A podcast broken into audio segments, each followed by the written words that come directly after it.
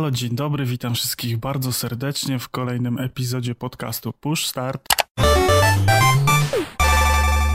Ja jestem Dariusz Wadariowoźniak i dzisiaj standardowo jest ze mną Pimol. Cześć, cześć wszystkim. Miło Was znowu odwiedzić. Myślę, że będziecie nas, będzie dzisiaj nas miło słuchać.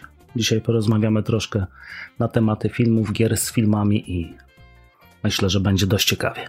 Dokładnie, taki dzisiaj troszeczkę e, temat odbiegający od wydarzeń e, bieżących, od tego, co się dzieje dookoła. Porozmawiamy sobie właśnie o ekranizacjach gier i o grach na podstawie filmów.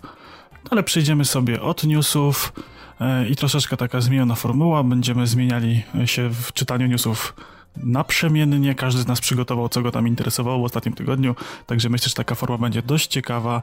I na początek zaczniemy od takiej informacji e, bież z bieżącej, e, czyli E3 jednak zostało odwołane. W poprzednim odcinku informowaliśmy o tym, że E3 się ma odbyć, a tu proszę wykrakałem, że się nie odbywa. No i moje newsy poszły w diabły z zeszłego odcinka. Dobrze, tutaj z ciekawostek Command Conquer Remastered Collection zostało zapowiedziane. Pojawi się ono 5 czerwca w wersji na PC w Steamie. Wystąpi w trzech wariantach. Będzie wariant digital, który będzie dostępny na Steamie w cenie 70 zł. Będzie również wariant special, który będzie dość bogato wyposażony, natomiast najbardziej takim bogatym zestawem będzie wariant trzeci, czyli 25, 25th Anniversary, który będzie wyposażony naprawdę, naprawdę bardzo bogato, ale co za tym idzie, cena też będzie dość wysoka, bo będzie to aż 149 dolarów. Natomiast w skład będą wchodzić takie pozycje jak Command Conquer Tiberian Down, Command Conquer Red Alert i trzy rozszerzenia do Red Alerta, czyli Convert Ops, Counter-Strike i The Aftermath. I w zestawie otrzymamy też w kolekcjonerce yy, między innymi yy, bank USB wyglądający jak Tiberium, yy, metalową figurkę czołgu yy, Mamuta dwójkę, i wiele, wiele, wiele innych. Myślę, że będzie to dość ciekawa pozycja, natomiast niestety wersja Special i 25th Anniversary będą dostępne tylko i wyłącznie za pośrednictwem Limited Run Games, czyli do Polski raczej nie będzie się opłacało nam tego ściągać. Mm, dokładnie, na pewno się nie będzie opłacało, bo e, jak zobaczyłem w agendzie screena z zawartości kolekcjonerki, e, stwierdziłem, że muszę to mieć. No i niestety sorego się rozczarowałem, jak zobaczyłem cenę shippingu do Polski. E, no, jest dość, dość, dość mocna, ale to, ten zestaw jest tak piękny, że po prostu pragnę go mieć i liczę gdzieś po cichu, że może jakiś lokalny dystrybutor E, coś zrobi z tym tematem będzie gdzieś tam można e, jakąś limitkę kupić, parę sztuk chociaż na, na terenie naszego kraju, bo te przypinki, naklejki, naszywki, e, właśnie model cewki Tesla, ten czołg, e, jakieś steelbooki tu są, artbooki, ścieżki dźwiękowe, no tego jest kupa, czapka, jakieś naprawdę, naprawdę bogata kolekcjonerka, naprawdę bardzo fajna kolekcjonerka, e, no jaram się strasznie samą, samą tymi remasterami. To będzie coś fajnego, fajnie, że będzie w to można pograć. Tym bardziej, że podejrzewam, że od razu multi odżyje przy okazji takiego remasterka. No i co? No i pozostaje nam czekać. No do 5 czerwca już niewiele czasu, chyba że do, do, do tego czasu koronawirus nam w ogóle zamknie na świat, więc wtedy możemy w ogóle pomarzyć. Wtedy tylko możemy się pobawić w wersję digital. Natomiast e, ja wygrzebałem taką informację, że e, w tym roku dostaniemy kolejną odsłonę e, Tonego Hołka, e, Pro Skater. E, zespół muzyczny The Set udostępnił na swoim Facebooku wpis, z którego wynika, że jego pięć piosenek trafiło do najnowszej odsłony serii, e, która ukaże się w tym roku. No i wiadomość została bardzo szybko usunięta, co wskazuje na to, że muzycy chyba troszeczkę się pospieszyli, troszeczkę takiego nam małego przecieka zrobili. Na ile to jest prawdziwe, czy, czy może E, nie wiem, czy jakiś remaster się szykuje, czy, czy może jakaś odświeżona wersja, może faktycznie coś nowego. No ja się osobiście, ja się osobiście jaram, bo te pierwsze Tony Hawk'i to jest moje dzieciństwo i coś, co bardzo mi się podobało i bardzo przyjemnie się grało. No, dzisiejsze, dzisiejsze newsy w ogóle bazują nam na naszej nostalgii bardziej, bo kolejną produkcją, która została dopiero zapowiedziana, tak naprawdę został zapowiedziany trailer tej produkcji, to są Wormsy 2020. Jedyne co wiemy na ten temat to, że na dniach zostanie zaprezentowany właśnie trailer i yy, premiera będzie na pewno w 2020 roku. Natomiast z rzeczy niepewnych, takich, które nam gdzieś tam przeciekły przez internet, to są informacje, że najprawdopodobniej będzie to odświeżenie serii. Więc tutaj myślę, że zobaczymy, co Team 17 wymyśli nowego z robaczkami, ale ja jestem już nastawiony na tak i zawsze byłem z serią. Myślę, że znaczy tak, ja troszeczkę, e, troszeczkę tutaj czuję takie dość mocne odcinanie, odcinanie kuponów, tym bardziej, że no, no co prawda już jakiś czas temu to było, no ale wyszły te Wormsy w UMD, które były e, wiernym przeniesieniem całego silnika, e, bodajże chyba z, Armagedonu do, do, do współczesności, z lepszą grafiką i tam troszeczkę fajnych broni dodanych, ale cała fizyka gry była taka sama, przenieśli kod po prostu jeden do jednego z tego, co kojarzę. I to była bardzo fajna gra. I teraz kolejne Wormsy w momencie, kiedy w dalszym ciągu gram w te, w te WMD przy okazji jakichś imprez, czy, czy spotkań ze znajomymi, czy po prostu z żoną, tak po prostu, żeby się troszeczkę e, ponawalać robaczkami, e, no to tak kolejne Wormsy jakoś mnie tak bardzo nie jarają. Tym bardziej, że no to, będzie dalej to, to będzie dalej to samo. No, to próbowali już nieraz wymyśleć coś nowego i było w Wormsy w 3D i były jakieś inne remastery, które, rebooty, które sorry, sorry, muszę ci przerwać, ale to była totalna, totalna porażka 3D? No właśnie, dokładnie tylko wspomnę, tak, to więc... aż mam ciary na plecach. Więc wiesz, no, sprzedawanie jeszcze raz tego samego po raz kolejny, tym bardziej, że to nie jest pierwszy reboot serii, czy restart serii, czy, czy wydanie e, tych samych starych Wormsów w nowej szacie graficznej, bo to jak dobrze liczę, to chyba będzie piąty raz, kiedy tam tą samą grę próbują sprzedać, troszeczkę w innej grafice i z innymi brońmi, tym bardziej, że trzon rozgrywki i, i podstawowe wyposażenie będzie takie samo, więc no, no nie wiem, jakoś tego nie czuję. No nie wiem, ja jestem fanem i na, że tak powiem mam sentyment i tyle. No tak. Natomiast takich e, jeszcze ciekawostek, e, unikatowy prototyp konsoli Nintendo PlayStation został e, wylicytowany za ponad 1,3 e, miliona złotego. No, konsola dość ciekawa, prototyp dość ciekawy, koncept dość ciekawy, no i cena też dość duża. No, jak za coś unikatowego, no to można tutaj polemizować. No, to tak jakbyś sobie Rembrandta chciał kupić obraz i miał jako jedyny na całym świecie. To kwota miliona trzystu tysięcy myślę, że nie jest aż tak absurdalna. E, I teraz może bardziej do dzisiejszych rzeczy. E, w dniu dzisiejszym była premiera Ori and the Will of Wisps i na Metacriticu sprawdzałem sobie, bo jestem bardzo zajarany tą grą. Jest tak naprawdę najlepiej ocenianą grą 2020 roku jak na razie ma 91 na 100 i wszyscy chwalą ją za gameplay i niebywałe doświadczenia. A zdradzę więcej, że dzisiaj jest środa, od północy była dostępna gra w Game Passie i też już zacząłem ją próbować i potwierdzam, że jest niesamowita. Ale więcej na ten temat myślę powiem w następnym odcinku po ograniu gry, bo na razie mamy rozgrane tylko 15 minut. No to czekamy w takim razie, jak pograsz więcej i coś nam opowiesz o tej grze.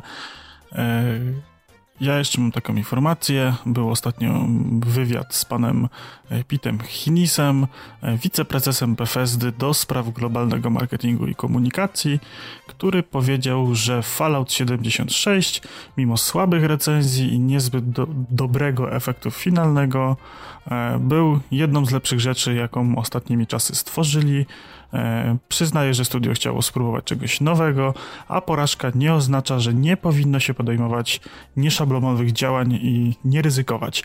Mi się osobiście takie podejście w dzisiejszych czasach wśród dużej korporacji e, bardzo podoba, z racji tego, że e, no to jest takie zupełnie inne podejście do tego nurtu Ubi Sandboxów, które wszystkie są takie same, od, od szablonu wycięte, z tym samym gameplayem, z tą samą mechaniką.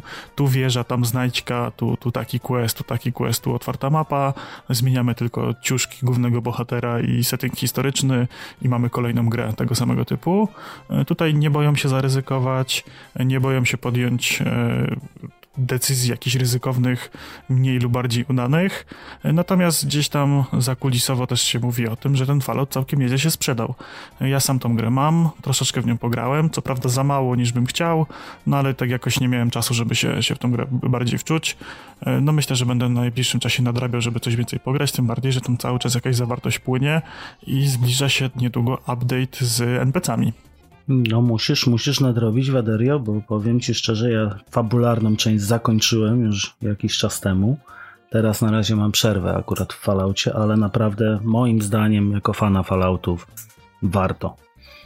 Nie uważam tego nawet za krapiszcze, jakim tak naprawdę na początku było, ale po wielu, wielu update'ach myślę, że jest już to gra grywalna. Oczywiście możemy się przyczepiać do latających butelek i innych tego typu rzeczy, ale to jest raczej normalne dla Bethesdy, więc... Ale to, dokładnie, to jest chyba urok tego silnika, z którego korzystają, bo w Falloutie 4 i we wszystkich Skyrimach, dokładnie, tak to zawsze było. No ja też jestem fanem serii i e, tak może niepopularna informacja, Fallout 4 był dla mnie genialną grą, może nie był super Falloutem, ale był bardzo dobrą grą w klimatach pozapokaliptycznych i świetnie się w nią bawiłem. Ja również, zwłaszcza po wielu wielu latach oczekiwania, najpierw po dwójce na trójkę, później z trójki na czwórkę też troszeczkę czasu się minęło, więc tutaj myślę, że była to fajna gra i miło do niej wracam. Nie widzę problemu w tym, więc mogę długo polemizować z ludźmi, którzy uważają to za krapiszcze. No to tak, no to przechodzimy w takim razie bardzo płynnie do tematu naszego odcinka, czyli e, gier na podstawie filmów i filmów na podstawie gier. I tutaj wspólnie przygotowaliśmy takie mini tło historyczne. Dogrzebaliśmy się do paru informacji na temat e, pierwszych gier na podstawie filmów i pierwszych filmów na podstawie gier. E, ja dogrzebałem się do takiej informacji z roku 1979 o grze, która była w sprzedaży na e, Atari, e, czyli tak jakby trafiła pod strzechy jako pierwsza gra na podstawie e, filmu, czyli o grze Star Trek Parv Strike, która była na podstawie filmu Star Trek. Natomiast Pimol dogrzebałeś się do czegoś ciekawszego. Ja się dogrzebałem do gry, która powstała na podstawie filmu Death Race. Była to gra arkadowa, dostępna tylko w salonach gier. Był to rok 1976, czyli niemal 3 lata wcześniej. I gra nosiła ten sam tytuł co film, czyli Death Race. Sam film yy, opowiadał yy, historię Ameryki po postapokaliptycznej, po jakiejś zagładzie, w której obywatele, żeby zająć sobie czas, obserwowali śmiertelny wyścig z wybrzeża na wybrzeże. I gra polegała na tym, żeby rozjeżdżać pojawiające się postacie na ekranie, po których zostawały nam na drodze yy, nagrobki, które trzeba było po prostu później unikać, żeby się nie rozbić. To była tak naprawdę pierwsza gra, która wywoływała w ludziach y, debatę na temat przemocy w grach, chociaż jeżeli włączycie sobie gameplay z tej gry, to myślę, że w dzisiejszych czasach by to tylko rozpoczęło śmiech w mediach i nikt by nawet na to nie zwrócił uwagi, że tam była jakakolwiek przemoc. No wiesz, no czarno-biała gra na automaty w 1976 roku, no to do najrealistyczniejszych na pewno nie należała. E, no ale to jest dość ciekawa historia, że już tyle lat temu jakieś próby powiązywania merczów nawzajem były, no bo to jest tak naprawdę dość dobry marketing, bo gra sprzedaje film, film sprzedaje grę i, to dość dobrze się nakręca. Jest fajnie nakleić na automat e, właśnie logo filmu, jakieś może właśnie zdjęcia z kadry z planu i tak dalej. No i z drugiej strony gdzieś tam w kinie można też puścić jakąś reklamę, że, że jest taki automat, czy postawić go na przykład w kolejce do kina i w jakiś sposób napędzać sobie sprzedaż. Znaczy właśnie natomiast chciałem przejść do pierwszego filmu na podstawie gry, czyli Znak Smoka po polsku, po angielsku Double Dragon, nie wiem kto to tłumaczył. I jest to amerykański film fantazy z 1994 roku, który powstał na podstawie gry właśnie o tym samym tytule Double Dragon. Nie oglądałem, nie, nie grałem. Co do tłumaczenia, to na pewno ta sama osoba, która tłumaczyła nam Dirty Dancing. Oj, pewnie tak. Mhm. Być może. Także ekranizacje filmowe dość późniejszy okres, to już właściwie taka niedaleka przeszłość. E, no i jestem ciekawy, dlaczego właściwie tak. Znaczy, no, właściwie to jestem pewny, dlaczego tak. No, ciężko było e, na przykład zekranizować Ponga, czy, czy jakieś tego typu inne gry z tamtej epoki, e, takiej wcześniejszej. Gdzieś tam jakiś kwadracik i drugi kwadracik, który symbolizuje właśnie czy samochód, czy ludka i no, nie byłby to dość ciekawy materiał na ekranizację, no ale właśnie 94 rok to jest ten moment przełomowy dla, e, dla gier i dla filmów. To znaczy, tutaj jeszcze taką jako ciekawostkę bardziej, to w 82 mamy film Tron, który nawiązywał troszeczkę do gier, do ogólnie techniki, do techniki komputerowej i myślę, że to był właśnie taki zaczątek tego, żeby rozwijać tą ekranizację gier, bo chociażby w Tronie mogliśmy zobaczyć proste jakieś tam yy, czołgi, jakieś yy, wersje Ponga, więc to też nawiązywało w jakimś tam stopniu i to był już rok dopiero 82. A tak jak wspomnieliśmy, w 94 dopiero mamy pełnoprawną ekranizację gry. Więc tutaj troszeczkę przepaść. Mhm.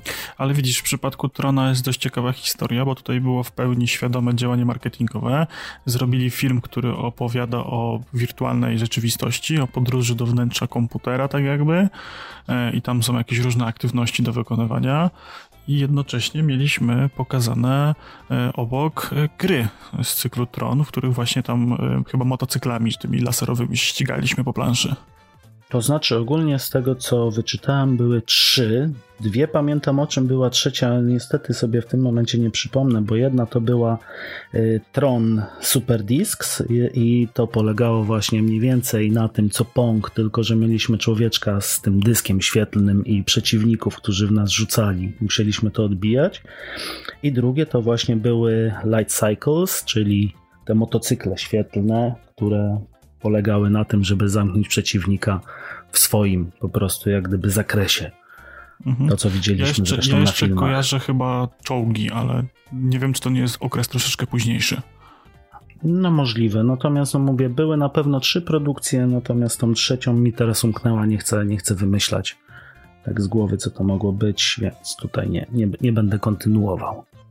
No to co, może przejdziemy sobie do y, naszej listy gier i filmów y, dla nas, tak prywatnie, wartych uwagi bądź nie wartych uwagi. Y, dodam tak jeszcze na, na wstępie na to takiego pana Uwe Boll.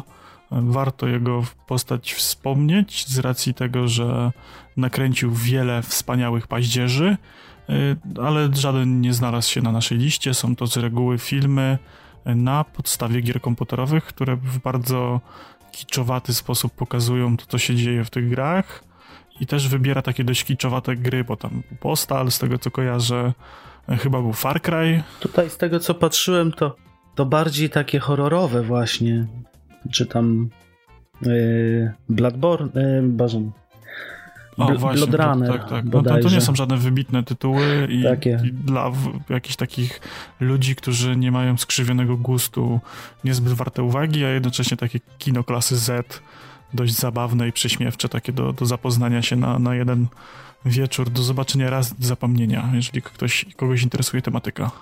Myślę, myślę, że na dobrą imprezę, taką dobrze zakrapianą, taki film dobrze wchodzi wtedy, więc no to co, zaczniemy sobie może od listy naszych filmów. Filmów związanych z grami bądź na, na podstawie gier, które nam się podobały.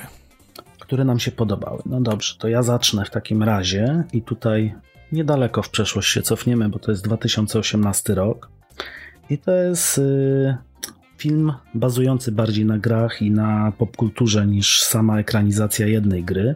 Jest to Player One z 2018 roku film Stevena Spielberga, który bardzo mocno przemawia po prostu tutaj do takich ludzi jak my w wieku 30-20 paru lat, gdzie mamy wspomniane po prostu całą popkulturę, to co się działo w latach 90., 2000, wszystkie te gry, wszystkie te filmy, cała ta popkultura jest bardzo fajnie ujęta i jest to moim zdaniem jeden z lepszych filmów właśnie bazujących na grach komputerowych. Tak, nawet powiem ci, że to sięga do, do czasów współczesnych, bo to jest tak ogólnie e, dla mnie taka wielka, piękna laurka dla popkultury w ogóle, bo tam mi się gdzieś przewijają awatary z Halo, z Overwatcha, e, jakiś Tomb Raider, Uncharted gdzieś tam chyba się, się widziałem, że było, te wszystkie filmy e, akcji, gry akcji, także muzyka, no masa, masa rzeczy, które tam są.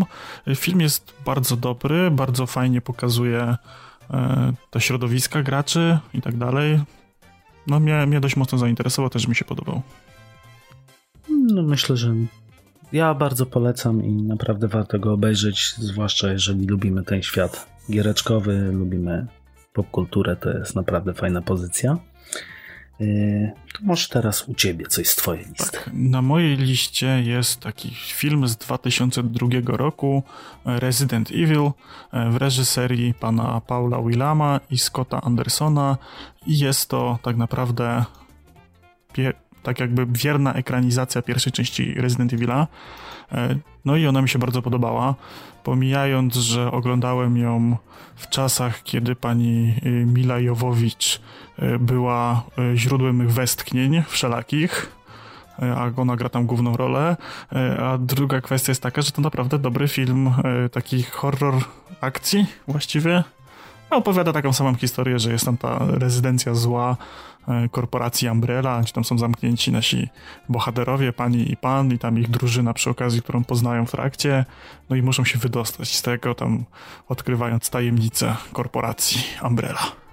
To się, to się przyznam, pewnie zostanę zlinczowany później, ale ani gry, ani filmu nigdy nie, nie naruszyłem. Ja do pewnego momentu bardzo byłem na bieżąco z filmami, one potem tam się stawały strasznymi paździerzami i przestały być interesujące, e, a w gry, no to jakiś czas temu nadrobiłem po raz pierwszy Resident Evil w tej wersji HD. Na PlayStation 4 była w plusie jakiś czas temu, no i e, całkiem na świeżo, bo chyba jakoś pod koniec grudnia ogrywałem tego Resident Evil 2 Remake. E, no i jakoś mnie tak serduszko nie ujął, ale no to fani podcastu wiedzą, jakie mam zdania na ten temat, bo się już wypowiadałem. No tak. No dobrze, to może następna pozycja ode mnie to będzie Hitman. Natomiast nie ten ostatni Hitman Agent 47, tylko ten z 2007 w reżyserii Xaviera Gansa który uważam dużo, dużo lepiej oddał charakter właśnie samego agenta 47. Tego, co było bardzo fajnie podkreślane w grze, że to jest yy, zabójca, ale cichy zabójca. Patrząc na ten film z 2015 roku, yy, widzimy non-stop akcję, non-stop się coś dzieje, natomiast y, sam sama gra nie miała tego na celu i nigdy tego myślę nie pokazywała, chociaż zawsze zależało to od stylu gry. Pokazywała trochę w tej odsłonie e, Absolution bodajże. Tam były na zmianę przeplatane te misje takie skradankowe i ciche z takimi jakimiś bardziej misjami rozpierduchowymi. No ja się bardziej zatrzymałem na tych klasycznych pierwszych dwóch częściach, więc... Ale tak, film bardzo dobry, też mi, się, też mi się dość podobał. Miał sporo takich niedociągnięć, y, gdzie jak się na świeżo w miarę grało w grę, no to były tam takie e, mrugnięcia okiem do, do graczy, które nie do końca się udawały, gdzieś tam jakieś takie głupotki i, i śmieszki. E, można było to rozegrać troszeczkę lepiej, ale ogólnie całokształtowo film był całkiem fajny. Nie, no nie mówimy, że jest to jakiś tam, yy, nie wiem, wy, wykładnik, jak zrobić film o grze. Natomiast y, bardzo dobrze mi się go oglądało i myślę, że historia też i była tutaj spójna. Może nie do końca dociągnięta, ale ja, ja, ja bardzo mi się podobało. U mnie na liście jest film Warcraft e, w reżyserii pana Duncana Johnsona z 2016 roku. E, no, film wśród moich znajomych, którzy są wielkimi fanami World of Warcraft i Warcrafta, e, mają zrobione achievementy lorowe w WoWie i setki tysięcy godzin e, w, tej produkcji. E, twierdzili, że to jest straszny paździerz i w ogóle jak on się tam do fabuły ma i co to w ogóle za głupoty i jak tak w ogóle można. Natomiast mi osobiście się podobał jako interesujący film fantazy z taką sztampową, banalną historią, z takim CGI, które z jednej strony było takie fajne, blizzardowskie i było widać, że to jest jakościowe i fajne, a z drugiej strony było troszeczkę czuć ten paździerz. E, ale ogólnie bawiłem się świetnie przy tym filmie, obejrzałem go chyba nawet dwa razy, bo on tam chyba swojego czasu w jakiejś usłudze e, VOD był. I, I, ogólnie u mnie, u mnie bardzo na plus ten film był. No ja znowu się nic nie wypowiem, bo patrząc na wybór twoich filmów, niestety żaden mi się nie pokrywa i w większości nie widziałem. I do tych również należy Warcraft. Kolega mnie ciągnął do kina, niestety wtedy się rozłożyłem na grypę i nie dotarłem i nigdy nie nadrobiłem. Więc tutaj też nie potrafię tam, tam była w ogóle fajna promocja z tym filmem związana, że jak się poszło do kina i tam miało się mm, jakiś kod na bilecie, to się ten kod podawało i dostawało się chyba Words of Draenor e, z Battle Chestem i 30 dni gry, z tego co pamiętam. Bo wiem, że sporo znajomych poszło, żeby właśnie sobie pograć w WoWa. No, czemu nie? Też w World of Warcraft też nie, nie, nie, nie szalałem za bardzo, natomiast samego Warcrafta trójeczkę jak najbardziej, jak sobie przypomnę, to wiele, wiele godzin spędzonych przed gromi. Byłem ciekaw filmu, natomiast gdzieś mi to tam umknęło w głowie. Więc tutaj, tutaj nic z tego niestety nie wyszło.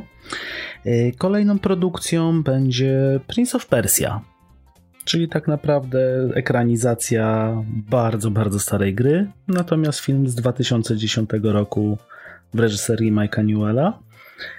E, uważam, że oddanie historii w tym filmie również jest e, niesamowite ogólnie gra aktorów, yy, pokazanie tej historii piasków czasu, na czym to polegało, w jaki sposób yy, działał ten sztylet, dlaczego oni się cofali w tym czasie, co mogło się stać przez to, że te piaski zostały uwolnione. Mniej więcej historia pociągnięta z gry, natomiast yy, zrobiona w taki sposób, że to się bardzo, bardzo miło oglądało i myślę, że Tutaj nawet nie znając historii gry, można było się w ten film wciągnąć. A widzisz, a tutaj będziemy mieli zgrzyt, bo ja ten film oglądałem jakoś w okolicach premiery. Jest y, spora szansa, że nawet byłem na nim w kinie. Właśnie, jest spora szansa, że właśnie byłem na nim w kinie. Do końca nie pamiętam. Natomiast ja jestem bardzo wielkim fanem e, tej trylogii piasków. E, nawet mi się podobały te zapomniane piaski, ta czwarta część gry, taka ta chyba najnowsza. E, i bardzo, bardzo lubiłem tą historię i, i, tak dalej.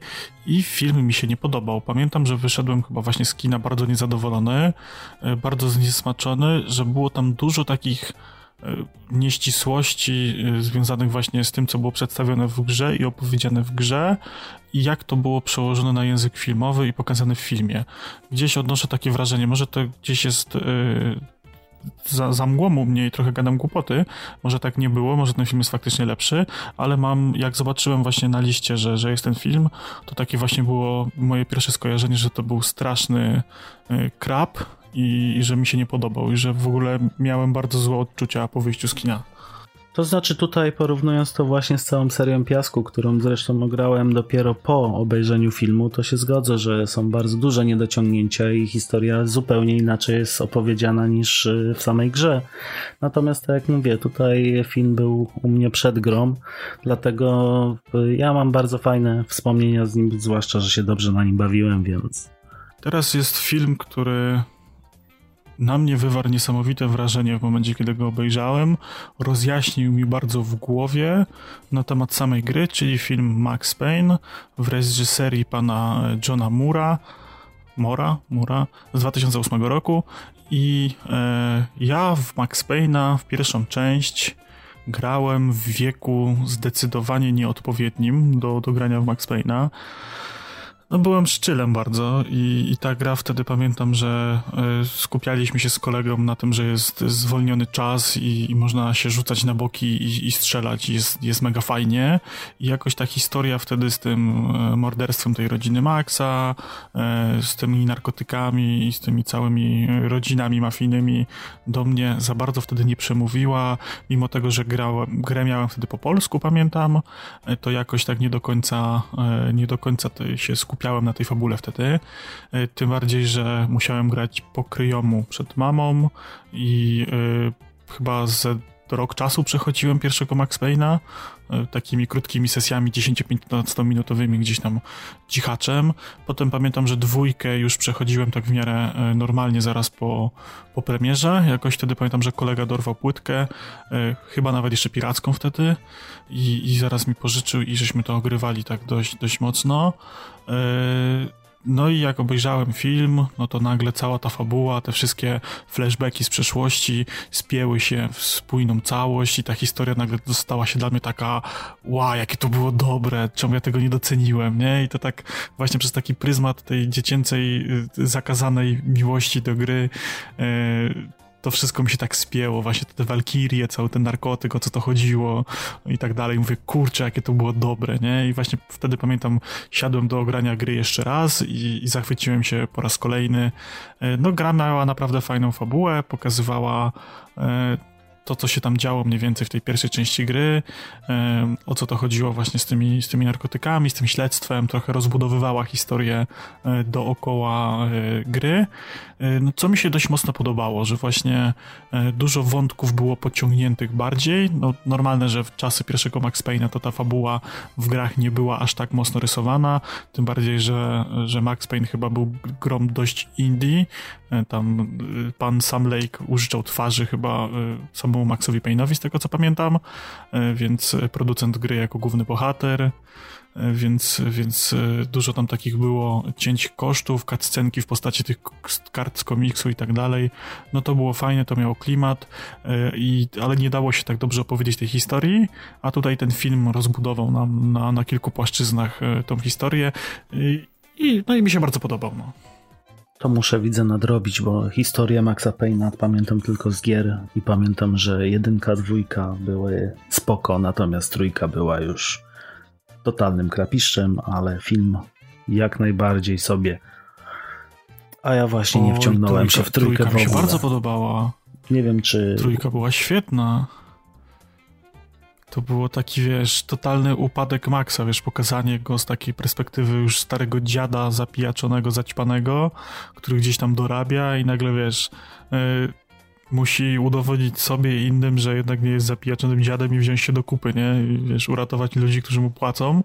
E, no ta motywacja była tak sobie średnia, ale e, sama rozwałka, gameplay i, i nawet ta fabuła była całkiem spoko, bo tam były te flashbacki z jego przeszłości, że on tam się musi zebrać, postarać się, wiesz, stanąć na nogi, przestać spać, przestać chlać i to całkiem, całkiem było spoko.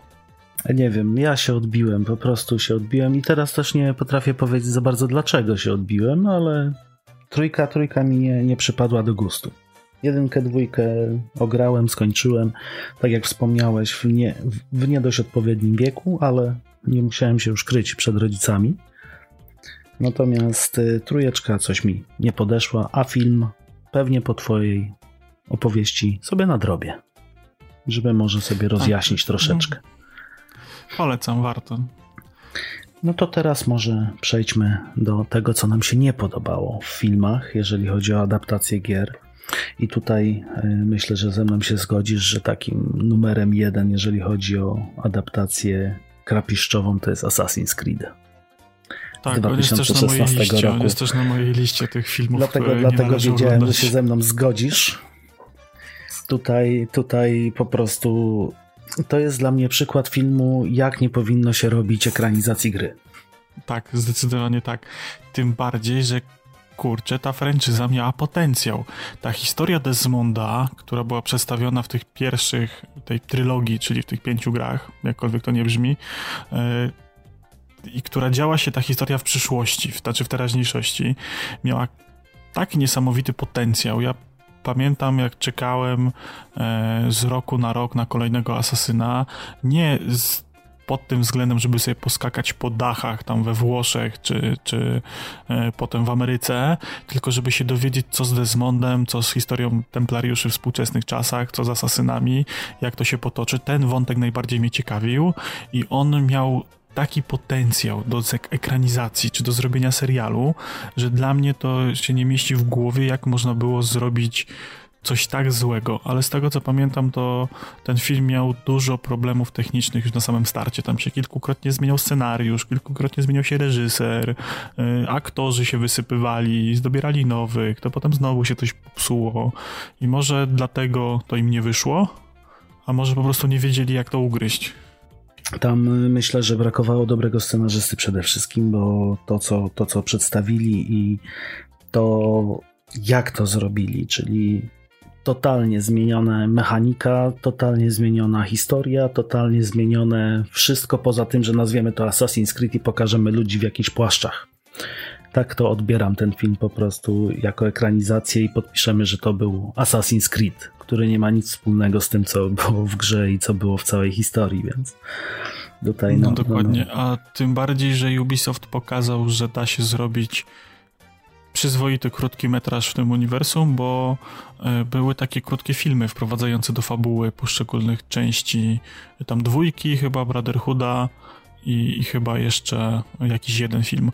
Wiem, że w tej wersji Ezio Collection na PlayStation 4 e, są dostępne do obejrzenia tam chyba dwa albo trzy filmy i ja te filmy oglądałem, bo one były za darmo gdzieś tam na YouTubie udostępniane przed premierą gier i tak dalej. One tak wprowadzały do, do historii poszczególnych gier i one były całkiem fajnie zrobione. No to było widać, że to jest grafika komputerowa i tam jakiś aktor na green screenie skacze w płaszczu, no ale to było dość fajnie zrobione i właściwie z zerowym budżetem, no ale przede wszystkim to myślę, później też poruszymy ten temat, jak, jak to powinno wyglądać, natomiast no, nie przeniesienie chociażby Animusa w takiej formie, w jakiej był pokazywany w grze, czyli położyć się na łóżku jak w Matrixie, podłączymy przewód i jedziemy, tylko jakieś skakanie po z przyczepionym kurna dźwigiem do pleców i skakanie po arenie, no nie, nie przemawia do mnie. No to jest właśnie ten problem, że oni tak jakby chcieli mieć większy target widzów niż target graczy, którzy grali w grę. I to do tego tematu jeszcze wrócimy, myślę, że na podsumowaniu. E, myślę, że to jest główny zarzut do, do, do, do filmów no na tak, podstawie mi się, gier. Mi się wydaje, ale to, to poruszymy jeszcze ten temat dzisiaj. Mhm. Może przejdźmy dalej do następnych pozycji. No to co, u mnie ostatnie na liście e, i właściwie jedyne, no bo Assassin był u ciebie i u mnie, jest e, Need for Speed w reżyserii pana Scotta Wagha z 2004 roku. E, no i kurczę, jaki to był zły film. On miał naprawdę fajną obsadę aktorską, naprawdę fajny budżet, naprawdę fajny pomysł na, na film, a tam wszystko nie wyszło. To, tam była masa takich głupotek, które no, w grze o wyścigach samochodowych w fabule by przeszły, tak? Te motywacje i tak dalej.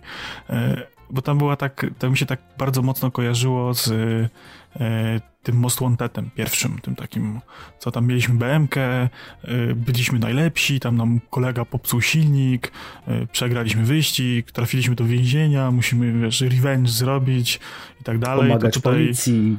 Tak, tak, dokładnie. Tutaj mniej więcej właśnie był ten sam schemat fabularny, który no moim zdaniem w filmie nie miał szans się zaszczepić a jednocześnie no, były fajne fury, całkiem spoko muzyka, właśnie grał tam aktor z Breaking Bad i ja się strasznie najarałem, że o, tam Jesse gra w tym filmie, będzie fajnie. E, no, nie zagrał tam dobrze moim zdaniem. No i tak jak mówię, tam dużo takich głupotek było, takich no, typowych głupotek dla gier, które są w grach akceptowalne, a w filmie jednak moim zdaniem nie bardzo. Tak, gdyby bardziej poszli w klimaty e, pierwszych szybkich i wściekłych, z franczyzą Need for Speeda i tam z jakąś fabułką, to byłoby bardziej spoko, a tutaj chcieli zrobić taki film akcji, właściwie to, co teraz idzie, Szybcy i Wściekli, tylko bardziej z samochodami. No zgodzę się, chociaż Szybcy i Wściekli teraz, te, które są, też się troszkę psują, ale tutaj nie będziemy, nie będziemy o filmach rozmawiać, tylko mówimy o ekranizacjach, natomiast Need for Speed też uważam, że nie, nie był najlepszym, najlepszą, najlepszą pozycją tutaj do obejrzenia, zwłaszcza po obejrzeniu właśnie Fast and Furious, czy jedynki, czy dwójki, no tutaj ten film po prostu nie, nie, nie nadąża za tamtymi produkcjami sprzed, sprzed wielu, wielu lat wcześniej. Tutaj pamiętam, że żona chciała, żona zresztą zebrała mnie na to do kina i po chyba pół godziny wyszliśmy z kina, bo nie dałem no, rady. No nie dziwię się. No to tak, trochę marnotrawstwo czasu. Po, poszliśmy na lody po prostu, żeby lepiej spożytkować ten czas. No to był po prostu no i tutaj e, taki film, który mi bardzo e, wpadł, że tak powiem, jeszcze poza Assassinem, no to jest Doom z 2005 roku, e, naszego rodaka w reżyserii Andrzeja Bartkowiaka. Natomiast sam film bardzo, bardzo mocno przypomina tani film klasy B, z tutaj z przerośniętą rolą sierżanta w postaci Dwayna Johnsona, który jak wiadomo jest dość, dość rozbudowany. I tutaj e, no po prostu historia moim zdaniem, tak jak obejrzałem to kilkukrotnie, w ogóle nie trzyma się kupy i no tutaj nawet nie potrafię określić tego słowami, jak bardzo mi się nie podobał ten film. Ja nie oglądałem, także tej przyjemności chyba nie miałem. No, Chyba nie oglądałem, jest, nie kojarzę, bo nie kojarzę filmu. Ogólnie historia polega na tym, że otwiera się portal, wpadamy, tam są złe stworki z Duma, musimy je powybijać. Nie, no Dwayne, Dwayne Johnson w, w, końcu wpada, znajduje BFG i okazuje się jednak zły i robi wielki rozpierdol na, całej plan, na, całe, na całym planie. Jakimś cudem się bohaterom udaje uciec, więc to jest... Na szybko streściłem ci cały film, więc myślę, że masz pojęcie o co mi chodzi. No, domyślam się. Dobrze, no to temat filmów mamy zamknięty. Ja bym sobie teraz zrobił takie podsumowanie filmowe, dlaczego jest tak mało dobrych filmów na podstawie gier, e, dlaczego w ogóle tak mało takich produkcji filmowych, no bo może nie zamykajmy się tylko na filmy, bo żyjemy w dobie seriali, więc e, może by coś wartało serialowego też zrobić na podstawie gier.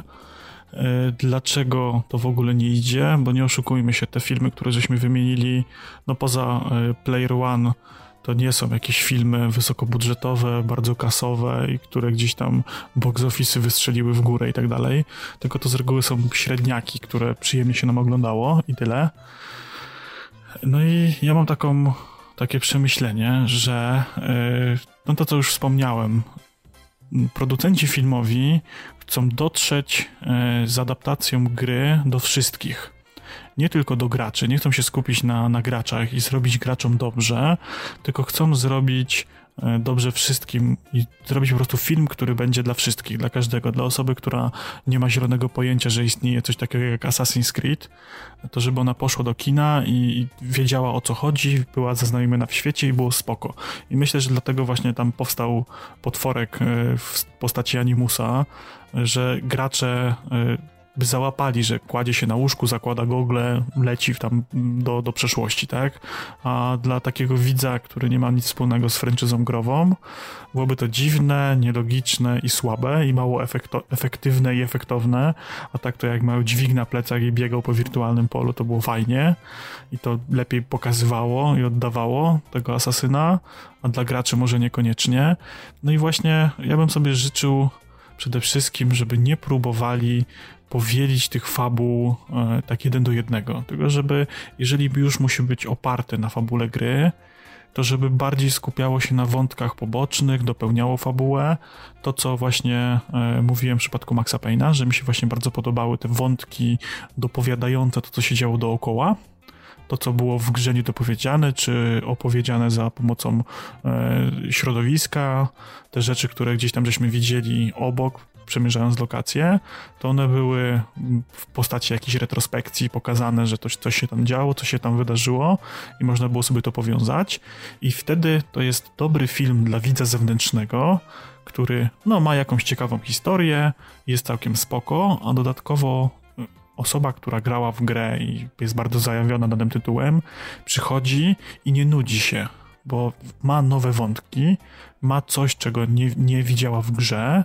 Dodatkowo jest zaciekawiona, bo są to jakieś smaczki, mrugnięcia okiem do niego, jakieś lokacje w grze, przez które przemierzał, a nic się tam nie działo, a teraz jesteśmy tam dwie godziny wcześniej przed przybyciem głównego bohatera w grze i dzieje się tam jakaś akcja. E, ja bym sobie życzył czegoś takiego. Trzymam mocno kciuki za nadchodzący serial HBO The Last of Us.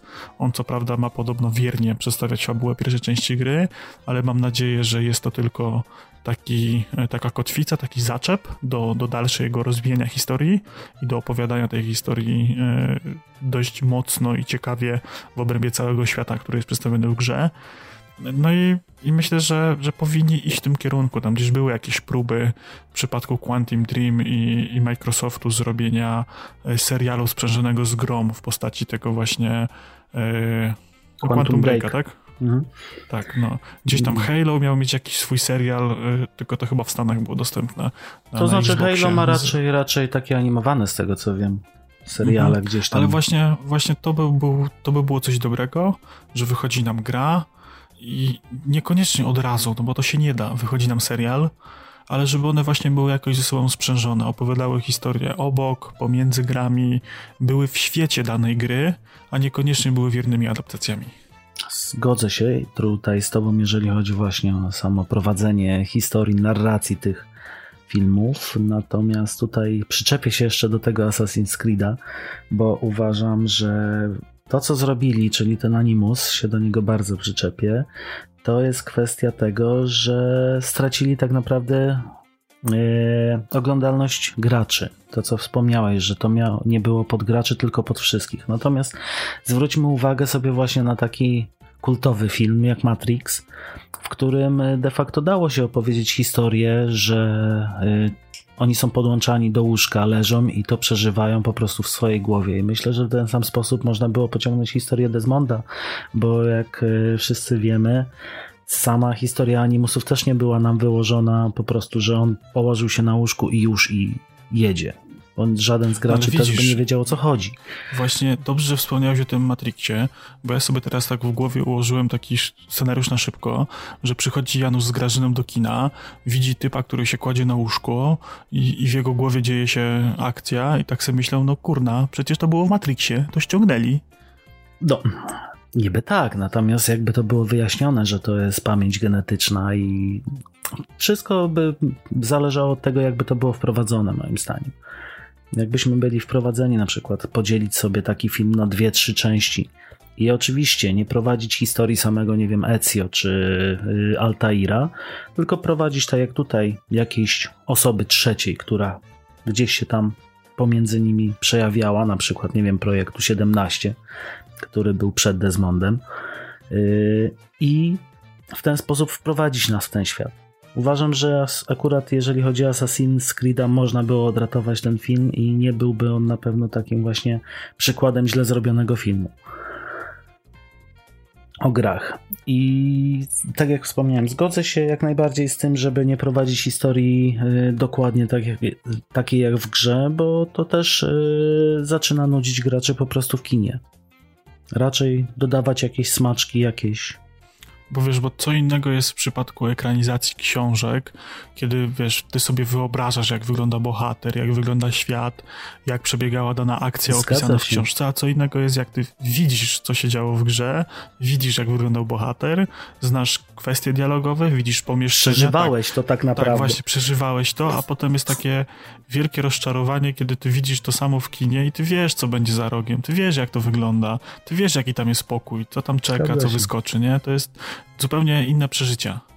Jedziemy z grami. Y, no ja tutaj powiem ci szczerze, że robiąc listę gier, które mi się podobają na podstawie filmów, no to y, musiałem się bardzo mocno ograniczyć do tego naszego założenia. Mimo wszystko wypisałem sobie jeszcze kilka gier, o których warto wspomnieć, ale nie wszystkie, bo no kurczę, mi się te gry podobały. Jest dużo gier na podstawie filmów, które były całkiem spoko grami. i co? I zaczniemy sobie może ode mnie, jak już jestem e, przy głosie, od kronik Riddicka Ucieczki z Butcher Bay z 2004 roku. Potem była jeszcze gra, która zawierała ucieczkę z Butcher Bay, czyli ucieczkę z Dark Arena chyba bodajże. I ona, i to jest tak naprawdę niezbyt, nie, nie jest to wierna adaptacja filmu, tylko to jest tak, jak, tak naprawdę prequel, bo ucieczka z The Butcher Bay opowiada nam historię sprzed pierwszego Riddicka, e, a The Dark Arena sprzed drugiego Riddicka. I to są takie gry, które moim zdaniem były takimi małymi arcydziełami, bo to były naprawdę fajne gry akcji przygodowe, z bardzo fajnymi migówkami, z bardzo fajnymi patentami, właśnie na sam gameplay, na sam pomysł. No plus oczywiście postać Wina Diesla, który udzielił głosu i twarzy growemu Riddickowi e, w obu częściach gier. E, no i dla mnie to był, to był właściwie majsterszczyk. Tam było tyle kombinowania. To była e, dla mnie taka przygodówka, E, ja się nie wychowałem na tych klasycznych point and clickach, gdzie tam trzeba było rozkminiać, co jest do czego potrzebne i używać wszystkiego wszędzie i tak dalej, no nie? Ja się, ja dopiero to poznałem później, a właśnie ucieczka z The Butcher Bay była dla mnie e, takim pierwszym prawdziwym point and clickiem, w którym trzeba było kombinować. Tam nie było wskaźnika misji, gdzie mamy iść, co mamy zrobić, tylko trzeba było samemu wymyśleć, jak uciec z tego więzienia. Tam trzeba było sobie rozkminić, że z tym pogadamy, ten nam to da, za to, za tamto. Trzeba było to wszystko spamiętać, zapisać sobie, e, ułożyć plan w głowie i go zrealizować. Nie wiem, na ile ta gra była liniowa, na ile nie była liniowa, ile tam było możliwości ucieczki z tego więzienia i do, dróg do, do tej ucieczki z tego więzienia, ale dla mnie to było wtedy takie mega sandboxowe doświadczenie przygodówkowe. No nie, nie, nie powiem za dużo na temat Riddicka właśnie, bo też nie ogrywałem tej gry. Natomiast y, po tym, co mówisz, wiesz, że mogło, mogło to fajnie wyglądać. Filmy oczywiście oglądałem, więc chętnie bym tutaj nadrobił. To ja wspomnę o takiej też serii tutaj niedawno wydanej. To będzie Aliens Isolation. To jest y, moim zdaniem jedna z lepiej zrobionych gier na podstawie właśnie filmów tutaj z y, stajni o obcych gdyż Złapę tak. cię za słówko. Jedna z lepiej zrobionych gier. Skupmy się na tym Dobra, lepiej, inaczej. E, jedna z lepszych gier e, na podstawie filmu. O, to będzie, to będzie lepiej brzmiało. No to, to już, będzie to już lepiej brzmi lepiej. Tak, masło maślane, masło, masło maślane krwawi. zostało zmaślone, więc tutaj tak. Yy, tutaj jak wspominam, Aliens Isolation Tutaj dla odmiany od wszystkich gier, w, które grałem z, właśnie z uniwersum obcego, to jest horror, to jest skradanka. Tu musimy się wczuć w tą rolę. Tak naprawdę tutaj jesteśmy córką replay, więc y, wczuwamy się w, w tą całą historię, w tą całą atmosferę. Tu czujemy, że jest to zagrożenie cały czas dookoła nas tak naprawdę nie mamy za wiele broni, nie mamy nieskończonego magazynka do pistoletu i możemy sobie po prostu ubić każdego, kto się nam pojawi.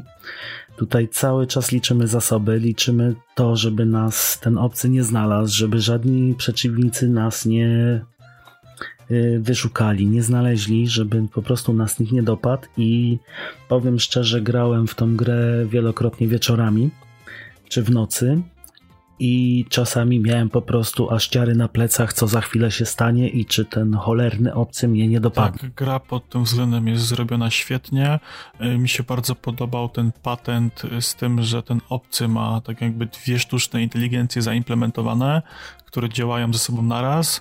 Jedna cały czas wie, gdzie jest gracz, w jakiej pozycji gracz jest. I ten obcy na podstawie e, tego, że wie, gdzie się znajdujesz, porusza się po stacji niezależnie. I tak naprawdę nie ma tam jakichś ułożonych stałych ścieżek, tylko on po prostu śledzi, gdzie ty jesteś i porusza się w obrębie ciebie. I ta druga sztuczna inteligencja załącza się w momencie, w którym obcy jest już w dość bliskim zasięgu gracza i ona wtedy przestaje wiedzieć, gdzie jest gracz i bardziej skupia się na szukaniu gracza.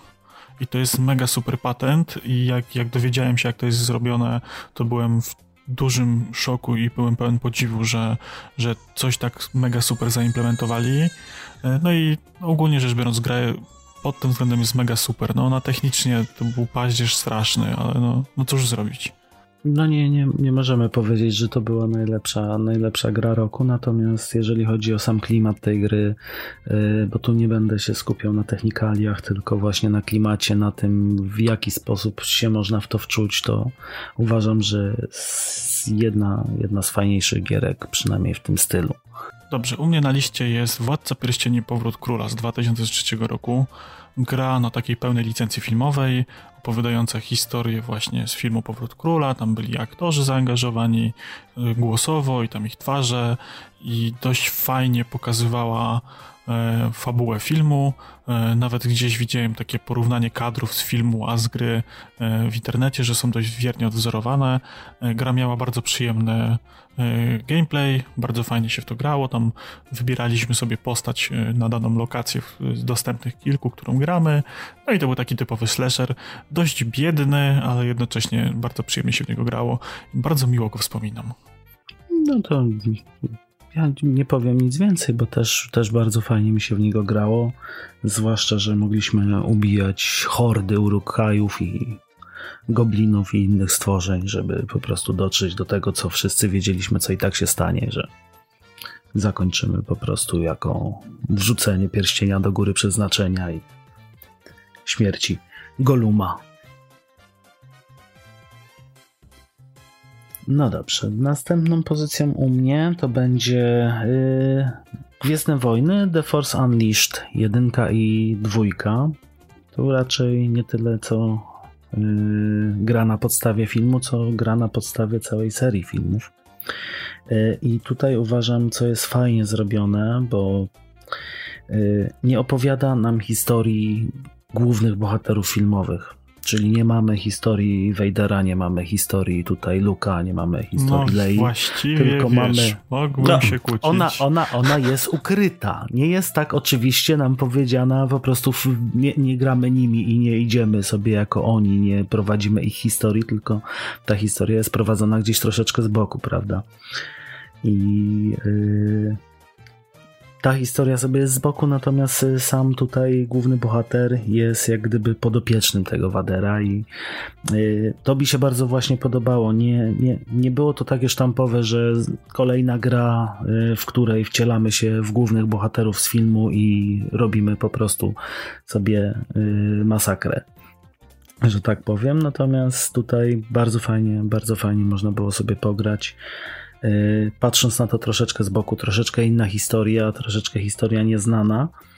Y, nie jestem pewien co do tego, czy ona nie była opisana w którejś z książek z całego kompendium Tego to ci nie powiem, ale y, mam wrażenie, że ona była na podstawie czegoś, co było wtedy w legendach no a teraz no to wszystko jest w legendach, nie, nie w kanonie, ale właśnie wtedy to chyba e, ten Star Killer cały to gdzieś tam była, była jakaś postać, która sobie tam występowała w jakichś legendach Star Warsowych, ale też do końca nie jestem pewien. Ogólnie rzecz biorąc, no, gra bardzo przyjemny slasher. E, miał parę wad w postaci, że był za krótki, był za prosty, był za biedny, ale też mi się podobał. No, taki, to jest taki potworek, który Gdyby miał trochę więcej budżetu, to mógłby być naprawdę wybitną grą o Gwiezdnych Wojnach. A był takim dla mnie przyzwoitym średniakiem. No. Z takich rzeczy, dlaczego mnie wciągnął, jedynkę ogrywałem akurat na, PS, na PSP, natomiast dwójkę już ogrywałem na PC i dużo, dużo fajniej się bawiłem na PSP. Był to właśnie taka gierka na, na, na wieczór, gdzieś tam w pociągu posiedzieć, porobić, a Dwójeczka to już była moim zdaniem taka bardziej pełnoprawna gra właśnie. Natomiast też nie powiem, też była, też, też była krótka. No i tam te twisty fabularne to było takie, no te lokacje, ona była bardzo schematyczna, takie te, ta walka była satysfakcjonująca, tam się mega super za pomocą tej mocy i miecza świetlnego wyżynało, pokazywało to potęgę i miecza i samej mocy, a z drugiej strony powodowało to, że ta gra nie stanowiła tak naprawdę żadnego wyzwania i była taka dość prosta, bo tam no, no siekaliśmy jako szaleli, no. To było siekanie jako szaleli, później trafić przyciskiem w odpowiednim momencie, jak w Dance Dance Revolution i było, było ok. z tego co pamiętam, jak ściągaliśmy jakieś moce z siebie, czy tam unikaliśmy. No dobrze, to co masz następnego? U mnie jest e, na liście Piraci z Karaibów na krańcu świata z 2007 roku. E, ja w ogóle pierwszy raz o tej grze usłyszałem, pamiętam z kanału telewizyjnego Hyper i pamiętam, że bardzo mi się ta gra spodobała. I przy okazji jakichś tam urodzin, czy, czy, czy jakiegoś tam innego święta, z racji którego dzieci nastolatkowie dostają prezenty, dostałem tą grę od, od, od cioci chyba. I tak zupełnym przypadkiem, po prostu ciocia była w sklepie, zobaczyła, że jest gra, wzięła grę tak losowo z półki i kupiła. Ona tam jakieś wtedy niewielkie pieniądze kosztowała, bo miała dość niski budżet i była krapem, tak w gruncie rzeczy. To jednak była bardzo przyjemną grą o piratach z Karaibów.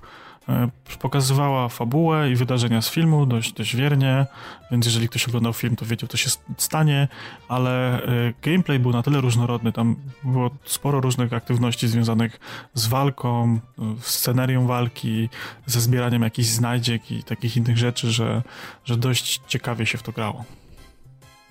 I mam takie miłe, ciepłe wspomnienia z tą grą po prostu, no. No, ja nawet nie słyszałem, że taka gra istniała. Powiem szczerze, dopóki nie zobaczyłem jej tutaj u nas w agendzie.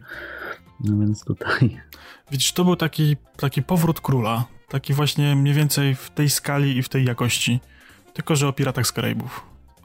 Teraz y, będę miał taką pozycję, która y, dużo czasu zajęło mi zastanawiając się, y, co wybrać ta, jako taki top y, gier na podstawie filmów i przypomniała mi się gra, w którą grałem wiele, wiele, wiele lat temu.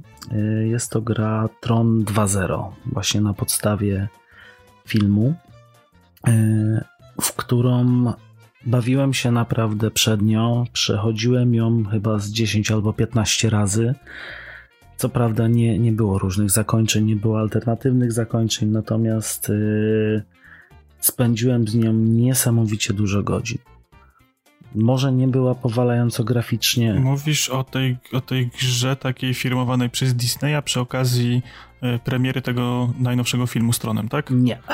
Ona nie, była taka troszkę ładna, wcześniej, troszkę nie, wcześniej. Nie Tron 2.0 to jest y, gra, która... Y, ona była przed filmem tym z Disneya, który wyszedł ostatnimi czasy. Y, to była gra Musiałbym sprawdzić z którego roku.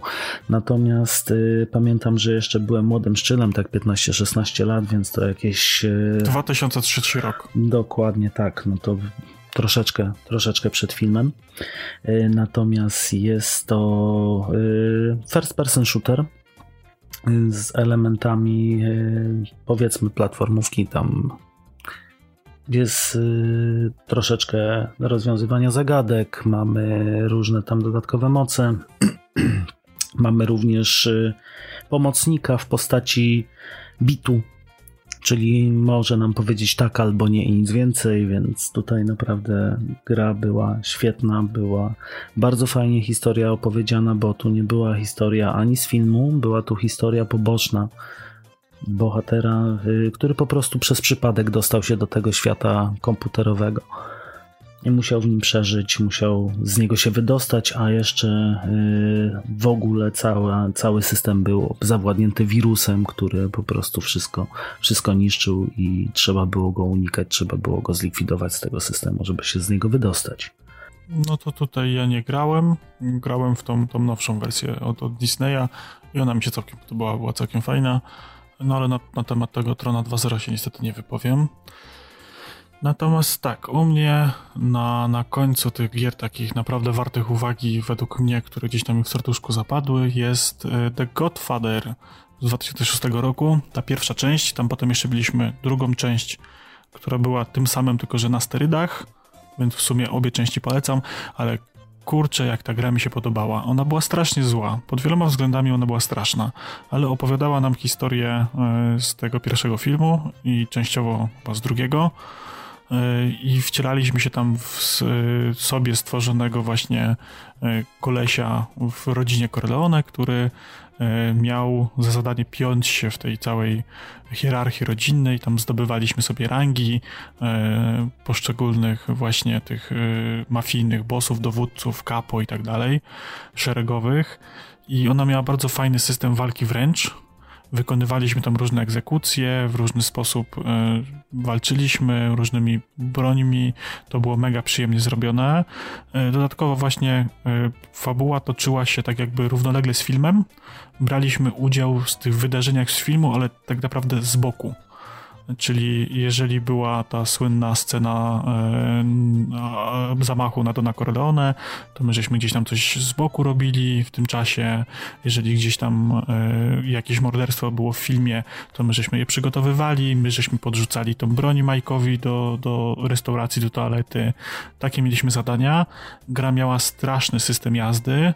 To mniej więcej było jeżdżenie drewnianym klockiem po stole wysmarowanym masłem takie odczucia co do, co do modelu jazdy mam do tej pory, y, ale sam pomysł na grę z tym, że zbieraliśmy respekt, y, przejmowaliśmy lokale, wymuszaliśmy haracze i plus co jakiś czas była zrobiona misja fabularna związana właśnie z tą historią Ojca Chrzestnego. Było coś bardzo, bardzo super dla mnie. Y, potem w, tak naprawdę w pod koniec gry odblokowywało nam się kolejna połowa gry w postaci tych wojen z, z tymi rodzinami. Wykonywaliśmy zamachy, musieliśmy lokalizować e, członków e, rodziny, robić egzekucje, przejmować ich tereny i tak dalej. Tam było masa takich mikromechanik zarządzania mafią i pięcia się w górę. Y, masa jakichś, tak jak właśnie wspomniałem, egzekucji, stylów egzekucji, wykonywania jakichś zastraszeń na różne style. Y, no i plus ta sama fabuła, to, to wszystko było spoko. Potem był ten Godfather 2, który przenosił nas właśnie chyba wtedy, kurczę, do Miami, już nie pamiętam. Y, albo nie, to... nie grałem, to ci nie podpowiem. Właśnie mam teraz dziurę w głowie. W każdym razie do cieplejszego stanu, gdzie właśnie y, zajęliśmy się na zlecenie Michaela y, budową tam y, rodziny mafijnej i tam musieliśmy, tam już było bardziej więcej takich elementów strategicznych. Wynajmowaliśmy ludzi, zakładaliśmy siatki całe gangsterskie, przejmowaliśmy tereny, była cała taka mapa strategiczna, gdzie żeśmy sobie właśnie zarządzali tym wszystkim, a dodatkowo był trzon tej gry z jedynki, cała ta walka i tak dalej. Także to, to jest moim zdaniem jedna z lepiej wymyślonych gier mafijnych, która znowu cierpi na to, że miała bardzo mały budżet i tam wiele rzeczy nie zagrało po prostu. No tu, to jak wspomniałem, nie grałem, ale wierzę, że, że była to dobra gra po tym, co mówisz. Yy, to teraz tutaj yy, kolejną pozycją u mnie to jest cała seria yy, Harry'ego Pottera. I tutaj yy, wiem, że, że się nie zgodzimy. Przykro mi, ale przykro mi bardzo. No.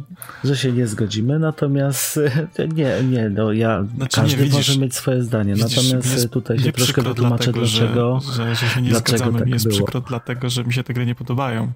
Dlatego, że to, co je spotkało. Rozumiem. Aha. Nie, y, powiem szczerze, tu jest kwestia tego, że bardzo byłem wciągnięty w świat Harry'ego Pottera, jak właśnie wychodziła każdy, każdy z filmów i mam w ogóle młodszego brata, który w tamtych czasach był właśnie dzieciaczkiem i bardzo fajnie się grało po prostu z młodszym bratem w te gry. One były właśnie takie przystępne dla młodszego, młodszego rodzeństwa, no w ten sposób powiem. Ogólnie Dobrze się bawiłem przy nich, y, lubiłem zawsze platformówki, do dziś lubię zresztą, tak jak wspomniałem o Orim nawet.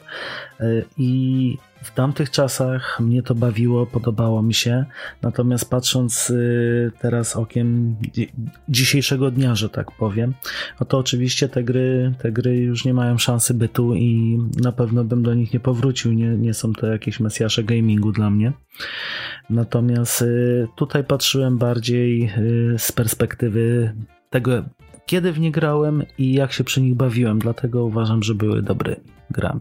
Nie, to nie, jak najbardziej się tutaj z tobą zgodzę z tym, co powiedziałeś, e, ale tak, ja jestem tym pokoleniem tych Potterheadów, którzy dorastali razem z Harrym Potterem, jak wychodziły filmy, no to ja wtedy byłem w zbliżonym wieku e, i w ogóle my oboje z żoną jesteśmy bardzo zajawieni na klimaty Harry'ego Pottera, e, regularnie przynajmniej raz na pół roku oglądamy wszystkie filmy po kolei, książki znamy na pamięć i, i, i tak dalej we wszystkie gry grałem i te gry, tak jak mówisz, z takiego nostalgicznego punktu widzenia, one są fajne. Ale ja jak, jak tworzyłem tą listę i tak sobie myślałem o tym Harrym Potterze, to tak za, zabolało mi serduszko i tak sobie pomyślałem, że to nie jest to, na co Harry Potter zasługuje w świecie gier, nawet na tamte czasy. To jest tak genialna franczyza i tam tak wiele można zrobić, a tak wiele tam zostało popsute, że, że to się to znaczy, w to znaczy, to znaczy musimy też wziąć pod uwagę możliwości tamtejszy, tamtejszych czasów, no wiesz, ja jestem no, troszeczkę no, kurczę, starszy, no, bo kamień, akurat... kamień filozoficzny był wydany chyba w czterech wersjach i wszystkie były złe. Mhm. No, tam, tam, nie było wiesz, jednej się. wersji na różne konsole, tylko każda konsola Zgodzę miała się. swoją wersję i każda była tak naprawdę w jakimś stopniu zła. To znaczy, ja grałem akurat tylko wtedy na PC, więc yy, Tutaj się nie wypowiem, jeżeli chodzi o konsolę, bo ja sterowałem wszystkim z klawiatury i może dlatego było mi trochę, trochę lepiej niż grać w to na padzie, czy e, właśnie prowadzić rozgrywkę na konsoli. Ale tak jak mówię, no tutaj to jest bardziej taka dla mnie podróż nostalgiczna w to, co, jak to wyglądało w tamtych czasach. Nie, nie porównuję tego do dzisiejszego dnia, bo tak jak mówię, nie miałaby to w ogóle racji bytu na tej liście. Zwłaszcza jako, jako gra dobra. No to co? No to z racji tego, że y, mój jeden minus jest już załatwiony, bo miałem właśnie na liście całą serię Harry'ego Pottera, y, a przechodzimy teraz do minusów, to ja się jeszcze, za, to ja się jeszcze zatrzymam na plusach. Mianowicie wymienię hurtowo kilka gier bądź serii gier, które są naprawdę warte uwagi. Tak jak mówię, ja miałem wielki problem z wybraniem tych gier, które najbardziej mi się podobały, ale mam tutaj tak na szybkości e, Path of Neo. Tam były dwie gry z Matrixa, Enter the Matrix, który był straszny i Path of Neo, który był dla mnie genialny. Tam po prostu system walki. A ja właśnie właśnie lepiej się bawiłem w, w Enter the Matrix. Nie wiem dlaczego. A mi się właśnie gdzieś ten Path of Neo bardziej, bardziej. podobał, ta alternatywna historia trochę tocząca się jednocześnie z tym, co było w filmie, e, z tego Nio, że tam żeśmy robili jakieś questy, wychodziliśmy, rozwijaliśmy tą postać, ona stawała się coraz potężniejsza, ten system walki e, Matrixowy tam mi się bardzo podobał i myślę, że dlatego mi się podobał, bo znaczy dlatego to mi się ta gra podobała, bo był tam fajny system walki. Myślę, że to byłby na tyle, że ta gra była słaba, ale podobał mi się system walki, więc było fajnie no wszystko z Lego właściwie, od Indiana Jonesa przez Gwiezdne Wojny, e, przez e, jakieś tam Marvele, e, Piratów z Karaibów, to, to wszystko bardzo mi się podoba i bardzo lubię te gry, one są bardzo przyjemne i do tej pory lubię sobie czasami coś odpalić i ograć z żoną. Mam cały czas te gry gdzieś tam zachomikowane i czekam, aż mi dzieci dorosną, żebym mógł z nimi grać w te gry. Jeszcze raz. Tutaj Lego można właśnie nazwać takim Marvelem świata gier. Wiemy czego się spodziewać, wiemy, że jeżeli zrobią, to będzie zrobione to dobrze, ale zawsze jest to zrobione po prostu pod jeden, pod jeden że tak powiem. Tak, no a tam mamy Hobbita i Władcę Pierścieni tak i Harry'ego Pottera, tam dużo, mhm. dużo jest tych gier. Y, Sp- ale opowiedziane w wersji Lego zawsze z jakimś tam humorem. Dokładnie więc... tak. Y, Spider-Many y, bardziej mi chodzi o te na podstawie tych trzech filmów tam z przeszłości niż te teraz Marvelowe, chociaż ten Marvelowy też jest fajny, e, to te poprzednie Spider-Many też były całkiem spoko i, i całkiem fajne. Nie wiem, czy ty grałeś, kojarzysz? Nie, nie grałem. Chociaż e, jakąś grę Spidermana kojarzę, ale to było na, naprawdę tak dawno temu, że, że nie, nie potrafię nawet sobie gdzieś tu przywołać z pamięci. Mhm. Mamy dwa South Parki, Kijek Prawdy i ten y, akcja kanalizacja, czy jak to tam się nazywa po polsku. Dwa całkiem fajne RPG, e, które wyglądają obłędnie i są bardzo, bardzo fajne i grywalne. No to też mnie, akurat South Park nie, nie wciągnął mnie, jeżeli chodzi o, o gry, bo jeżeli chodzi o serial, to jak najbardziej śledziłem do pewnego czasu, natomiast gry jakoś mnie nie wciągnęły do, do swojego świata. Mamy jeszcze na liście tej, tej szybkiej takiej Agenta 007 GoldenEye, myślę, że chyba najlepsza gra z Jamesem Bondem i taka gra na podstawie filmu, która jest, która jest podawana jako taki właśnie Jezusek, jako taki mesjasz y, tego, jak się powinno robić gry na podstawie filmów. To znaczy, z tą kwestią akurat się nie zgodzę, bo mi się tam gameplay strasznie nie podobał, natomiast ogólnie sama gra mi się podobała. Sam, samo pokazanie tej gry, ale sam y, poruszanie się, używanie broni jakoś do mnie nie przemawiało. Więc tutaj się nie zgodzę, że byłby to mesjasz gamingu w tej mhm. kwestii. No, mam jeszcze y, X-Men Origins y, Wolverine też bardzo fajna gierka, która bardzo fajnie korespondowała z filmem i miała mega przyjemny, taki chyba izometryczny slasher to był, z tego co kojarzę. Coś jak ten, te Darksidersy nowe, co tam teraz też teraz wyszły. Tam były całkiem fajne moce tego Wolverina, fajnie się sikało. I... A to nie, to nie było y, bardziej y, third person? Taki... No właśnie, kurczę, mi się kojarzy, że ona była z takim, z takim widokiem trochę z góry, takim, wiesz, nie tak bardzo Powiem... jak Diablo, ale ale takim trochę bardziej nie, Nie, mi się bardziej, bardziej z tego co kojarzę, to chyba był bardziej taki ala Tomb Raider pierwszy. Że to było bardziej z góry, ale nie tak do końca z góry, bardziej trzecioosobowo. Przynajmniej tak mi się kojarzy, bo ostatnio tą grę sprzedawałem, więc no, tutaj tak coś, coś, coś kojarzę. Nie, no to właśnie mi się jakoś tak kojarzy. Może się mylę, może, ale bardziej mi się kojarzy, że to no nie, tak, nie, takie... będę też wchodził w polemikę, bo, bo, nie pamiętam do końca, ale wiem, że też się dobrze bawiłem przy niej. No i co? I jeszcze taki wygrzebany bardzo staroć, który tam ostatnio chyba trafił na, na PSN w jakiejś paczce, czyli y, platformówki na podstawie G, tych bajek Disneya i one firmowane przez Disneya, czyli Aladdin, Królew, Herkules, no to są klasyki same w sobie. Ja pamiętam, że na Pegasusie ogrywałem e, Alladyna i jeszcze taka ciekawostka. E, późny 99 E, jak e, mieszkałem w bloku z rodzicami i było coś takiego jak antena zbiorcza, czyli że jeden kabel szedł do anteny, która była na dachu, każdy się pod tą antenę podpinał i miał tam jakiś sygnał telewizyjny.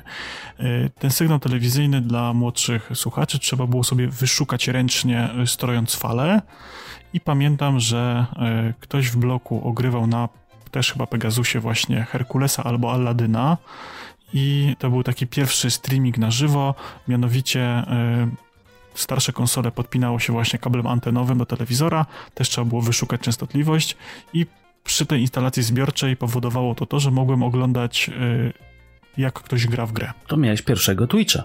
Tak, właśnie i widzisz, nie wiedziałem, kto to gra. Wiesz, nie, nie byłem w stanie namierzyć w bloku, kto gra w tą grę i kto w tą grę gra, kto w tą, kto tą grę ma. Też ją miałem i strasznie lubiałem obserwować, jak on w tą grę gra. I potem y, też grałem i robiłem to, co on i taki, wiesz, taki byłem zafascynowany tym. No i dobrze, no i to by było na tyle z tych gier, które są warte uwagi. E, lecimy do minusów w takim razie. Co tam u ciebie? Do minusów. No to tu wrócimy do uniwersum Gwiezdnych Wojen. Yy, Battlefront. Jedynka i dwójka. Nie wiem dlaczego, ale uważam, że to jest gra, która ani nie opowiada żadnej historii tak naprawdę, bo te historie, które są opowiadawane w Battlefroncie są bardzo płytkie dla mnie. E, dodatkowo e, tutaj, no, fajnie, że możemy pograć sobie, nie wiem, właśnie tymi e, głównymi postaciami, czyli Waderem, czy tam Lukiem, czy innymi postaciami, czy postaciami mniej znanymi, czy na przykład samymi klonami. Jakoś tutaj do mnie nie przemawia w ogóle Battlefront. Skończyłem w tym roku oba. Nadrobiłem jedynkę, którą ogrywałem kiedyś dawno temu. Zacząłem ją jeszcze raz y, w tym roku. Ograłem dwójkę w tym roku i jakoś nie czuję tego klimatu. Po prostu nie czuję się, jakbym był po prostu w serii tutaj. Nie ciągnie nawet mnie do filmu po ograniu Battlefronta. No bo widzisz, no bo to, to, nie są gry skierowane do pojedynczego gracza, tam bardziej chodzi o tą rozgrywkę multiplayer. To miał być po prostu Battlefield w realiach Gwiezdnych Wojen i oni mieli taki plan na to. Jedynka, straszny krab. To w ogóle najerałem się strasznie, miałem preorder, y, po becie odmówiłem preorderu i to była najlepsza decyzja w moim życiu, zakupowa, natomiast w dwójkę nie grałem, miałem zamiar, ale tam mnie odstraszyły dość mocno na początku te, te mikrotransakcje, cała ta afera z tym związana i jakoś do gry nie wróciłem. Podobno teraz jest lepiej, fajniej, no ale dalej ja nie jestem aktualnie graczem battlefieldowym, jeżeli chodzi o, o, o zmagania sieciowe, więc ten Battlefront do mnie też nie przemawia za bardzo. No teraz jest dostępny w jej Access, więc można sobie ograć za, za śmieszne pieniądze, zresztą jeżeli masz sam... No to może, może kiedyś to można spróbuję. spróbować, no to... No i co? No i co? No i o Harry Potterze żeśmy przegadali. U mnie y, w takim razie zostaje Avatar z 2009 roku. I kurczę, to jest gra, do której miałem tak wielkie nadzieje, tak na nią czekałem po obejrzeniu filmu. Y, ja się zakochałem w tym uniwersum, strasznie mi się podobał ten film i liczyłem, że ta gra będzie czymś mega fajnym. Tam było takie pole do opowiedzenia interesującej historii. I tak naprawdę ta historia w tej grze była nawet nieźle opowiedziana i ten pomysł na, na gameplay był całkiem fajny, ale tam wszystko było popsute. Od poruszania się postacią, przez strzelanie, przez za, zabugowaną w ogóle w każdym stopniu tą grę, przez to, to kurczę, no była cała popsuta, no tam było wszystko popsute, co się tylko dało, ale tam tak jakby fabuła i pomysł na grę był ok. Ona była słaba, bo była popsuta. No. no ja miałem tutaj ten problem z awatarem, że jak zacząłem w niego grać, to za każdym razem po pierwszych 10 minutach wpada, wpadałem w tekstury i nie mogłem z nich wyjść, więc po chyba 12 czy 15 próbach rozpoczęcia rozgrywki yy, wylądowała w kącie w pokoju a później robiła za frisbee dla psa, więc tutaj w ogóle się odbiłem, nawet nie, nie wszedłem za bardzo y, właśnie w historię, w to jak ta gra wyglądała, bo nie miałem po prostu na to szansy. Dokładnie, to, to był właśnie największy problem tej gry. Y, no dobrze, to ja jeszcze tutaj y, mam jedną pozycję z takich krapów krapów i tu też y, uważam, że to jest bardziej zrobiona gra na siłę niż sama kontynuacja i próba wyłapania tutaj troszkę pieniędzy od fanów. To będzie Back to the Future, właśnie gra komputerowa. Była dostępna jakiś czas temu w Goldzie na Xboxie i sobie postanowiłem ściągnąć jako właśnie fan sta starych filmów pograć. A to nie są początki Telltale Games? Możliwe, możliwe, możliwe. Nie, nie, nie potrafię ci powiedzieć, bo powiem ci szczerze, nie skupiałem się, kto był producentem tej gry. Natomiast y, sama, sama historia y, tutaj też nam opowiada, właśnie cofamy się w czasie jako Marty, y, próbujemy pomóc doktorkowi, natomiast wszystko jest takie, jest to przygodówka ogólnie, takie właśnie point and click. Natomiast y, dla mnie się po prostu to wszystko nie trzymało tam kupy. Ani historia, ani sam gameplay, ani, ani nie było to ładnie zrobione graficznie. I y, próbowałem to grać przez godzinę, po godzinie sobie dałem spokój i po prostu gdzieś tam na dysku, na Xboxie sobie za, zalega mam cały czas, natomiast na pewno nigdy do tego nie wrócę. No ja niestety nie grałem, coś tam kojarzę właśnie. Coś mi świta, że to chyba było Telltale, ale mogę się mylić. Gdzieś tam chyba nawet mam e, na Steamie do, z jakiegoś bandla właśnie chyba Telltale'owego ze wszystkimi grami, ale mogę się mylić. E, natomiast co? Bo tak już podsumowując, bo wymieniliśmy właśnie tak sporo, sporo gier, które nam się podobały, sporo gier, które nam się nie podobały. E, no i teraz rodzi się pytanie, co powinna mieć gra, jak powinna mieć, jak powinna wyglądać gra na podstawie filmu? Ja mam takie jedno. To pozwolisz, mhm. że ja zacznę Jasne. teraz. Y, podobnie do filmów tutaj wydaje mi się, że gra nie powinna w 100% odpowiadać y, historii opowiedzianej w filmie. Tak jak y, mieliśmy to właśnie na przykładzie, tak jak opowiadałeś o Godfatherze. Nie jest to historia opowiedziana z oczu głównego bohatera, tak jak było to w y, tych Gwiezdnych Wojnach dla mnie Van, y, Force y, Von Unleash dokładnie, gdzieś za, za, wylew w mózgu dzisiaj. Nie powinno to być po prostu jednoliniowe. Nie może to być dokładnie ta sama historia, nie może być ta sama postać główna, moim zdaniem fajnie jest to zawsze y, rozegrane, jak to jest ktoś obok, troszeczkę inna postać, troszeczkę inna historia, ale umiejscowiona w całym uniwersum danej produkcji. Nie powinno to być to samo.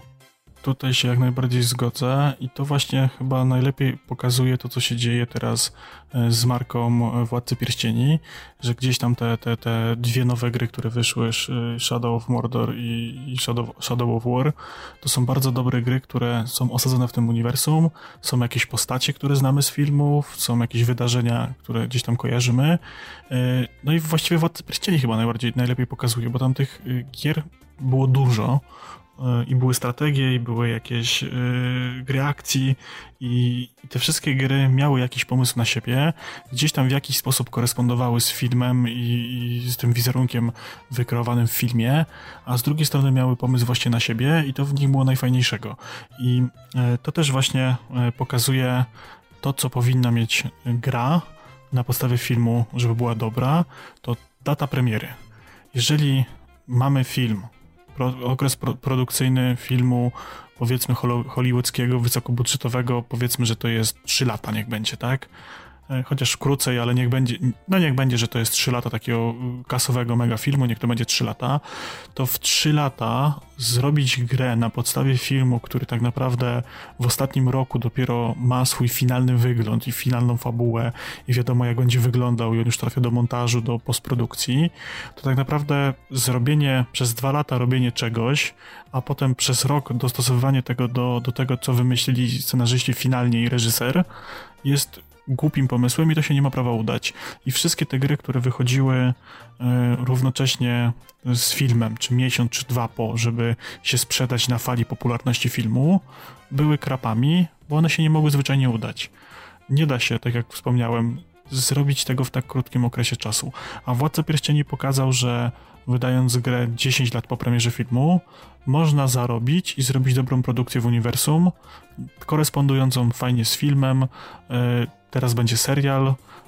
Nie wiem, nie, za, natomiast serialu nie wiem za dużo, kiedy się będzie dział, ale strzelam, że mógłby korespondować z grom. To byłoby coś fajnego, tak? dobrym ruchem by to było, gdyby w jakiś sposób nawiązywał znowu do gry. Mogłaby wyjść kolejna gra, która by w jakiś sposób nawiązywała do serialu i to byłoby coś fajnego, co by napędzało sprzedaż, spinało to uniwersum.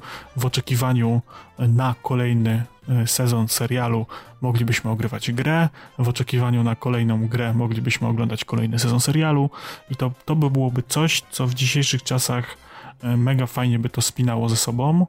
No tak jak mówię, no to już nie są czasy, już, już nawet nie, już nawet te gry chyba tak nie wychodzą, już nie, nie ma tak, że wychodzi film i wychodzi zaraz gra na podstawie filmu.